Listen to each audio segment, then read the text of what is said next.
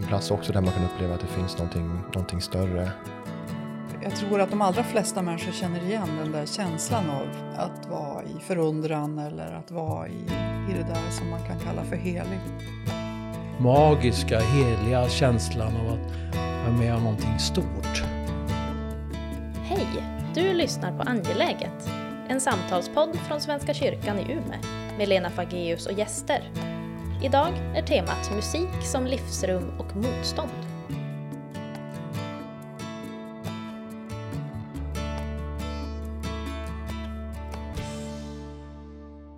Då vill jag hälsa er välkomna, du som lyssnar. Och här i rummet där vi spelar in så sitter Kjell Fageus och jag är musiker. Och eh, i en roll just nu som konstnärlig ledare för Kulturfest Umeå som börjar den 28 maj. och Och Anders Winterstam som är organist här i Umeå pastorat, Tavelsjö församling främst. Och eh, sitter också med i det här arbetet som musiksamordnare kring Kulturfesten som äger rum snart. Och Lena Fageus heter jag. Kyrkoherde i Umeå. Vi ska prata musik. Men, eh, Och, och kultur. och kultur. Men jag tänker ändå att ni ska få säga något mer om er. Alltså, ja, men, lite mer djuplodad presentation. Varför, varför, varför är ni där ni är? Vad är det som gör att ni brinner för musiken? Eller för, ja, men, hur har resan sett ut? Bara något kort om dig själv. Ja, alltså musik är ju på något sätt den största delen av mitt liv. Jag blev indragen ganska tidigt i, i den världen. Eh, uppvuxen i kyrkan eh, som prästson. Så att jag, jag, fick, jag kom i kontakt med kyrkomusiken först och främst och väldigt tidigt. Och, eh, och det visade sig att jag, att jag kunde spela piano när jag var liten. Så att jag fick ganska snabbt hoppa in och, och vikariera i kyrkan helt enkelt. Och Hur snabbt är hur snabbt? Ja, mitt första dop var när jag var 11. Så att, men det var nog, jag, jag minns inte riktigt vad det var för kvalitet på det. Det låter som att du var född med den där Ja, förmågan att spela piano. Jag tror inte riktigt det. nej, men jag började faktiskt ta pianolektioner när jag var just 11, så det kanske var i, i samband med det. Men sen så orgelbiten och allt det kom in senare och så. Men just, just orgeln som instrument och hela den världen, den, den sög mig sög in mig ganska kraftigt faktiskt när jag var 14. Och sen har det inte, inte funnits någon väg tillbaka riktigt. Så. Men, men musik för mig är någonting större än, än kyrkomusik också. Jag, jag umgås med musik på så många olika sätt. Eh, och så, i så många olika sammanhang och stilar och så. Det är någonting väldigt, väldigt stort för mig. Så. Kjell, hur är det för dig då? Ja, jag växte upp i ett hem i en liten by i Småland och där var ju dragspel och tramporgel som gällde. Och sång och min mormor som sjöng eh, väckelsesånger.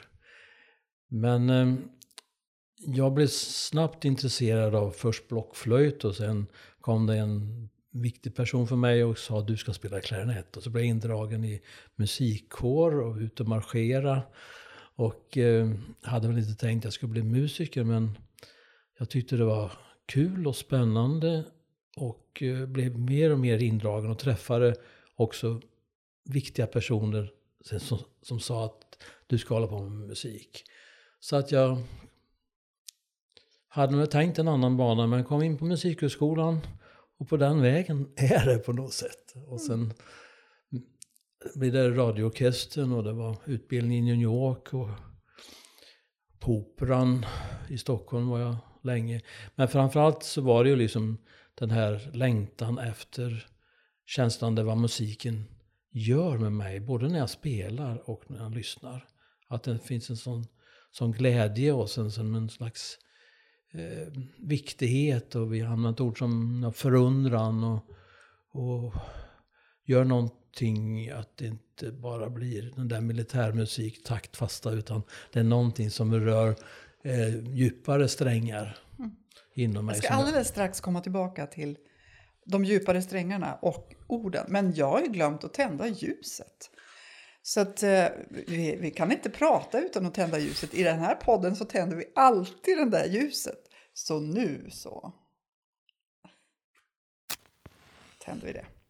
Det är som att gå in i en konsertkänsla. Då tänder man ljuset. Ja, berätta, säg någonting mer om det. Jo, alltså som musiker så vi får ju våra noter och vi lär oss våra stycken och vi analyserar och vi får lektioner. Och, eh, men sen, vad ska då hända när det blir som där allra bäst? Alltså den där magiska, heliga känslan av att ha med om någonting stort. Då behöver vi som musiker ta oss från analysen och förberedelsen och tankarna, alla timmar man övar på sitt instrument. Och sen, ja, det finns massa ord för det där. Släppa taget, ge sig hän, eh, lita på att eh, också jag har lärt mig det tillräckligt, men också en känsla av öppenhet där liksom, Gud kommer mig till mötes. Mm. Där jag blir medskapare i någonting som är större än mig själv och musiken också, utan det blir någonting annat, djupare. I kyrkan så har vi ju klock, klockorna som ringer. Är det ett sätt att, är det som att tända ljus eller vad skulle du säga Anders? Ja, men lite grann. Ja. Det tror jag. En, en, eh, en signal liksom som, som, som säger någonting ja. som, man, som man har lärt sig. Att nu, nu är det dags. Mm. Och det skapar, det skapar ett... Eh, det, man kan inte tala liksom under kyrkklockor. Man pratar inte utan då, då går man in i en tystnad. Mm. Och tystnad det tror jag är en viktig beståndsdel också. I, mm. Både i musik och i gudstjänst också. Mm. Vi ska säga någonting om kulturfesten som vi då står på eh, tröskeln till att dra igång. Nu när vi spelar in det, det är ju några veckor kvar bara. Eh, vi kallar det för heliga rum. Vill, vem vill, eh, Anders, säg någonting om heliga rum. Heliga rum, det, jag tänker att det, det kan betyda väldigt mycket. Och det första man tänker på kanske är eh, platsen som man är på, kyrkorummet kanske i det här fallet. Eh, men det kan också vara så många andra typer av rum såklart. Men ehm, vi pratar inte så mycket om helighet tror jag i, i samhället i stort idag. Utan det, det, är ett ord som kan också kan väcka kanske lite, eh, inte förskräckelse, men att man blir lite avvaktande och lite rädd nästan. Så att man är rädd för att göra fel eller rädd för att liksom, hur ska jag närma mig det här? Men jag, jag tänker heliga rum eh, ja, men som en plats där man får vara helt närvarande. Och i det här fallet då i, som vi tänker i, i musiken. Mm. Eh, en plats också där man kan uppleva att det finns någonting, någonting större. Ehm, men heliga rum, det heliga rummet finns ju också liksom inom varje människa på ett sätt. Så att ehm, jag tror att, vi kanske återkommer till det sen, men musikens kraft på något sätt också är någonting mm. som kan hjälpa en att hitta de heliga rummen inom sig mm. också. Jag tänk, tänker också på, när vi har pratat om att vi har valt heliga rum som eh, överskrift på kulturfesten, så tänker jag i alla fall att det får inte bli det där heliga rummet som en porslinsaffär. Man får gå in och inte slå ner saker och ting. Mm. Utan den där frimodigheten och eh, lekfullheten eh, när man sjunger och spelar och reciterar musiken. Att det, det är också ett, en del av det heliga rummet. Och sen rent fysiskt, arkitekturen, det är högt i tak. Det är högt inom mm. Mm. oss, som en, en valv inom oss. Um, Vi, när vi pratades vid häromdagen så, så pratade vi om eh, kärnord eller ledord som, ja, men, som vi vill ska prägla oss och lyssnaren och så under de här kulturfesten. Och, och några ord, ja men vad var det för ord som, som nämndes? Förundran ja. fanns med. Ja, säg någonting om förundran. Då. För det ligger ju ihop med det här med heliga rum. Ja, men, tycker jag. jag tänker att det, det, just ett, förundran är ett ord, eller en känsla tror jag, som man kan känna i heliga rum. Du pratar om de stora valven. Jag tror att liksom, många, jag tror de flesta människor känner som en sorts förundran. Man kommer in i, i, i, i ett stort, framförallt då, kyrkorum. Och jag tror att eh, arkitektur på något sätt möjliggör känslor för oss. Det är inte bara kyrkorum utan allting som vi bygger och vistas i eh, säger någonting, dels om vilka vi är och vilka vi vill vara, men också liksom vilka tankar som möjliggörs i ett visst typ av rum.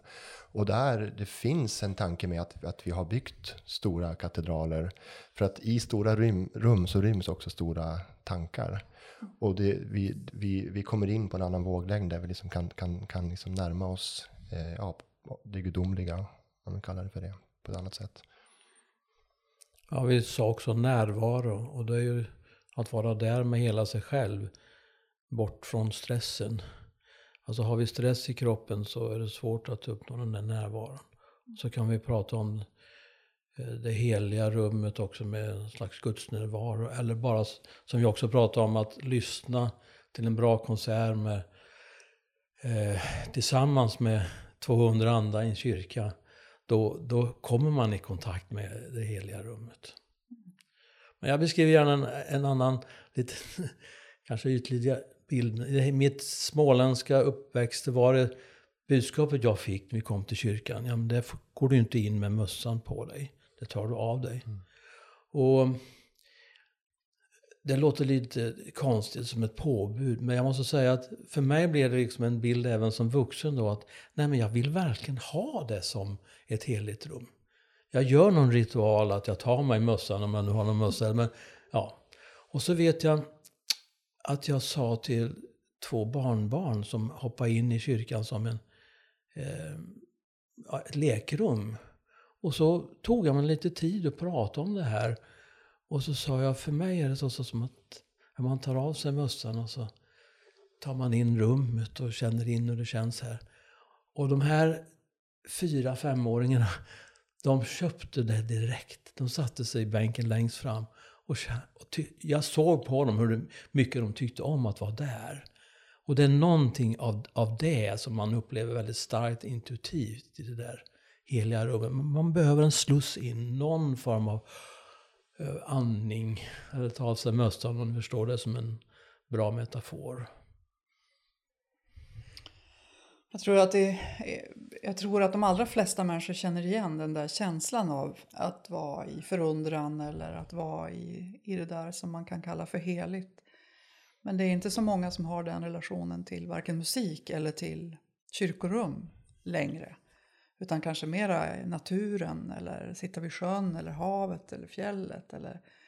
Men, det, men jag tror att det tangerar varandra, upplevelserna. Den där känslan av att ja, men, det här är jag är en liten prick i tillvaron bara. allt är stort. Eller jag får vara i det där stora. Du nämnde kulturfesten. Ska vi bara beskriva ramarna för det här? Ja, men gör det. En dryg vecka. Vi börjar 28 maj eh, i Backens kyrka och så slutar vi i Backens kyrka med musikgudstjänst eh, söndagen 5 juni. Och då är det 13 konserter med lite olika karaktär. Det finns två barnkonserter och eh, ett tema är också eh, kopplingen till Umeå 400 år. Där vi spelar musik från 1600-talet i Backens kyrka och sen blir det Umeå stad i eh, 1700 och sen blir det 1800-tal, 1900-tal och någonting som är skrivet och in, till och med improviseras och skapas precis här och nu. Så det är första delen av, av kulturfesten är det. Och så varvar vi vid texter som matchar den här musiken.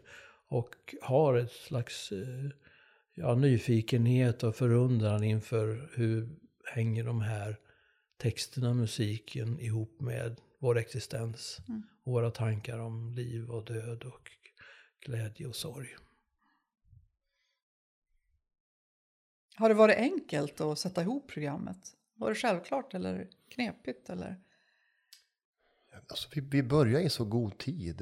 I, redan tidigt under hösten så låg mycket på plats tror jag kring programmet. Jag tycker att det, det, det behövde inte verkas fram särskilt mycket. Utan det, det är mycket som, som kom ganska, ganska snabbt när vi började. Särskilt när, vi, när idén om att gestalta de olika seklerna kom. Så fick man ju mycket inspiration från det och, och hitta musik. Man hade satt in lite, lite begränsningar till sig själv redan. För klart, hela musikkartan är ett väldigt stort, stort fält om man bara ska plocka utifrån mm. eget. Ja, jämfört med andra projekt så har det här gått väldigt lätt ska jag säga. Så fort vi fick ramen för oss och vi fyllde på och så kom fler och fler in i, i projektet och tillförde tankar och idéer. Jag vet att, att några av dem som jobbade med, med texterna har kämpat med de där orden mm. från 1600-talet eller 1700-talet. Att det är liksom pekoralt och ja, men allt vad man nu kan.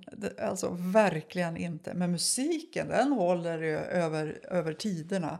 Men orden tappar sin, sin bärkraft eller sitt, jag vet inte, det blir liksom allt för ålderdomligt för att kunna eh, ja, men beröra oss idag. Alltså, vi har fått, alla vi som ska läsa, jag kommer också vara med och läsa några texter. Alltså, jag gjorde det enkelt för mig. Jag valde några salmer. Min upplevelse är också att ju mer vi pratar om det, då, då, då skapas någon förståelse, någon tolkning av de här texterna. I vilket, mm. i, vilken syn man hade på människan och inte minst kvinnosyn. Mm. Ja, och plötsligt så blir det också en, en förståelse av då varför uttryckte man sig på det här sättet. Och, mm. och jag tror att det färgar också sättet att recitera också då. Hur också orden, recitationen påverkar vårt sätt som musiker att framföra vår, vår musik. Jag tänker det finns ju, vi, vi, lever ju i kyrkan så lever ju vi med, med riktigt gamla ord. Mm. Gamla testamentet och nya testamentet och gamla salmer och så. Eh, så det är ju någon slags översättningsarbete som behöver ske. Och, det, och vi, de orden är ju, har ju samma bärkraft genom alla tider. Så det är liksom, mm. det gäller att hitta det där bärkraftiga i alla mm. tider. Men det är också då att, att vi har ett tolkningsutrymme och det ska vi utnyttja. Mm. Både i musiken och i, i, i men, orden. Men tänker ni att man behöver, ja men okej, jag kan jag som jobbar med ord, jag, jag kan förstå och ana och att ja, men det där jobbet jag behöver göra, den där tolknings... Eh, både i hur jag uttrycker gamla texter men också hur jag förstår dem. Men är det på samma sätt med musiken? Att man kan man... Ja. På ett sätt så är det ju det. Eh, man får ju, det är ju man, kan ju närma sig musik på många olika sätt såklart, men en stor del av, av den utbildning som, som, som man får i musiken är, handlar ju om att, att eh, tolka till exempel då notskrifter från olika epoker mm. eh, utifrån hur man då troligtvis spelade på den tiden. Med, med allt ifrån frasering till, till artikulation och, och ja, en gestaltning helt enkelt, en konstnärlig gestaltning utifrån hur, hur, um, hur, hur hur det gick till på den tiden så att säga. Så det finns absolut den, den liksom teoretiska liksom tolkningen också av musik från olika tider. Och ju längre bak man kommer såklart, desto mer grumligare blir ju källorna och desto mer gissningsarbete blir det. Men det är ju bara en del av det musikaliska. Det liksom handlar om att liksom bredda sitt, sitt kun, sin kunskap om någonting för att sen utifrån det göra det som en konstnärlig gestaltning. Ehm, vi kan ju inte göra oss till 1600-talsmänniskor. Mm. Och eh, sökandet efter det tidstrogna, det är så behjärtansvärt men ändå så är det ändå, när vi kommer dit så måste vi gestalta den här musiken, även från 1600 eller 1700-talet, som att den sker nu, här och nu. Det blir så otroligt viktigt. Ja. Ja, ni återvänder ganska ofta till det där med nuet. Jo, jag tror att det är precis som Kjell säger, att vi, jag menar, de som spelade musiken på 1600-talet, de levde ju också med den litteraturen, i, i den mån den fanns, den, den, den politiken, allting, den världen, Som som också man tar med sig in i sitt musicerande såklart. Um, så i det här fallet, jag tänker med den, att, att bredda sin kunskap och sin, sin, fördjupa sin, sin, sin förståelse. Det handlar mer om att ha alla verktyg på bordet och sen använda dem på det sätt som man, liksom, som man mm tycker Jag tror också att det finns delar som, som vi verkligen delar med 1600-talsmänniskan och 1700-talsmänniskorna. Om vi förklarar, pratar klassisk musik så finns det ju någon struktur, alltså harmoniskt och, och hur man har byggt upp den som talar till oss både på emotionellt och ett andligt språk som jag tror vi delar genom generationer. Precis som bibeltexterna bär genom århundraden så är det någonting i den klassiska stilen som gör att vi, vi känner igen oss, vi, vi blir estetiskt tilltalade och vi, vi blir berörda av eh, det musiken förmedlar. Vi anar någonting som, som ja, slår an i oss och som blir viktigt. Vi diskuterar ibland det där med genre. Jag vet inte om vi ska gå dit, men det kan väl ändå vara något att säga någonting om. För det här är det som kommer att vara på kulturfesten. Det är konstmusik eller klassisk musik i, i synnerhet. Eller bara, eller hur ser det ut? Ja, man kan kalla det som... Eh, grundstråket är ju den klassiska musiken, men om man säger klassisk musik och så tänker man att nej men det där är inte för mig, det där eh, vill jag inte lyssna på, det är för konstigt eller komplicerat. Så glöm den tanken, ge det här en chans. För det har de förtecknen precis som, som jag sa innan här, att, att det här talar till oss allihop. Men på din fråga så är det till exempel två barnkonserter och det är klezmermusik och, och det är verkligen olika varianter av den här klassiska musiken. Så det, är liksom, det går inte att sätta liksom en, en stämpel på. Mm. Eh, det som, som går igen är ju det här sökandet efter på något sätt det som känns verkligen viktigt. Och att, att, att, det, att i den här, det vi kallar klassiska musiken finns så olika yttringar genom tiderna det som skrevs på 1900-talet är inte alls likadant det som var 1600-talet.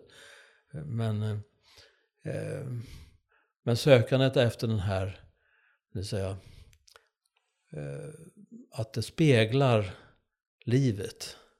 Det är en berättelse om livet i toner. Det går igenom. Och då, eh, när det blir som allra bäst, då blir det det där ah, förtätade och andäktiga lyssnandet. Avslappnat och närvarande. Ja, vi hade ju en sån här dag när vi vandrade igenom, var på två ställen och spelade igenom ganska mycket av musiken och läste texter och prövade, övade tillsammans.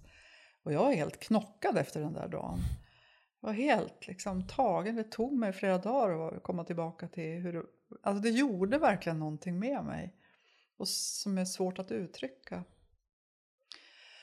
Nu börjar det vara dags att avrunda den första delen i det här samtalet. Jag undrar, Kjell, om du vill läsa, läsa någonting från en bok som har några år på nacken och som eh,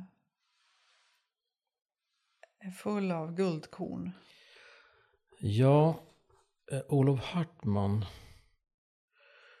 eh, var präst och eh, sa en massa saker om kulturdiakoni bland annat.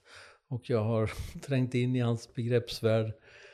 Eh, och jag känner själv att ja, men det här har jag hållit på med i 30 år kanske.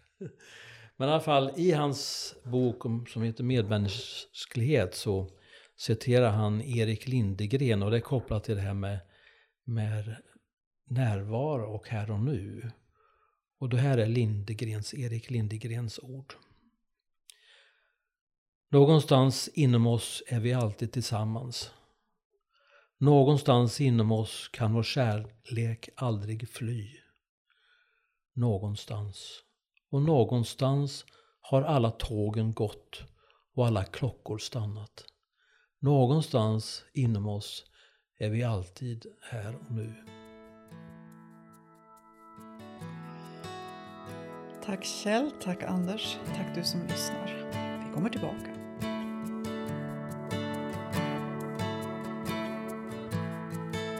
Du har hört Angeläget, en podd med Lena Fageus och gäster.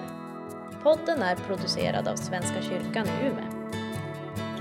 Vill du fortsätta samtalet når du oss på Svenska kyrkan i Umeås Facebook eller via mail till umea.kommunikation.svenskakyrkan.se.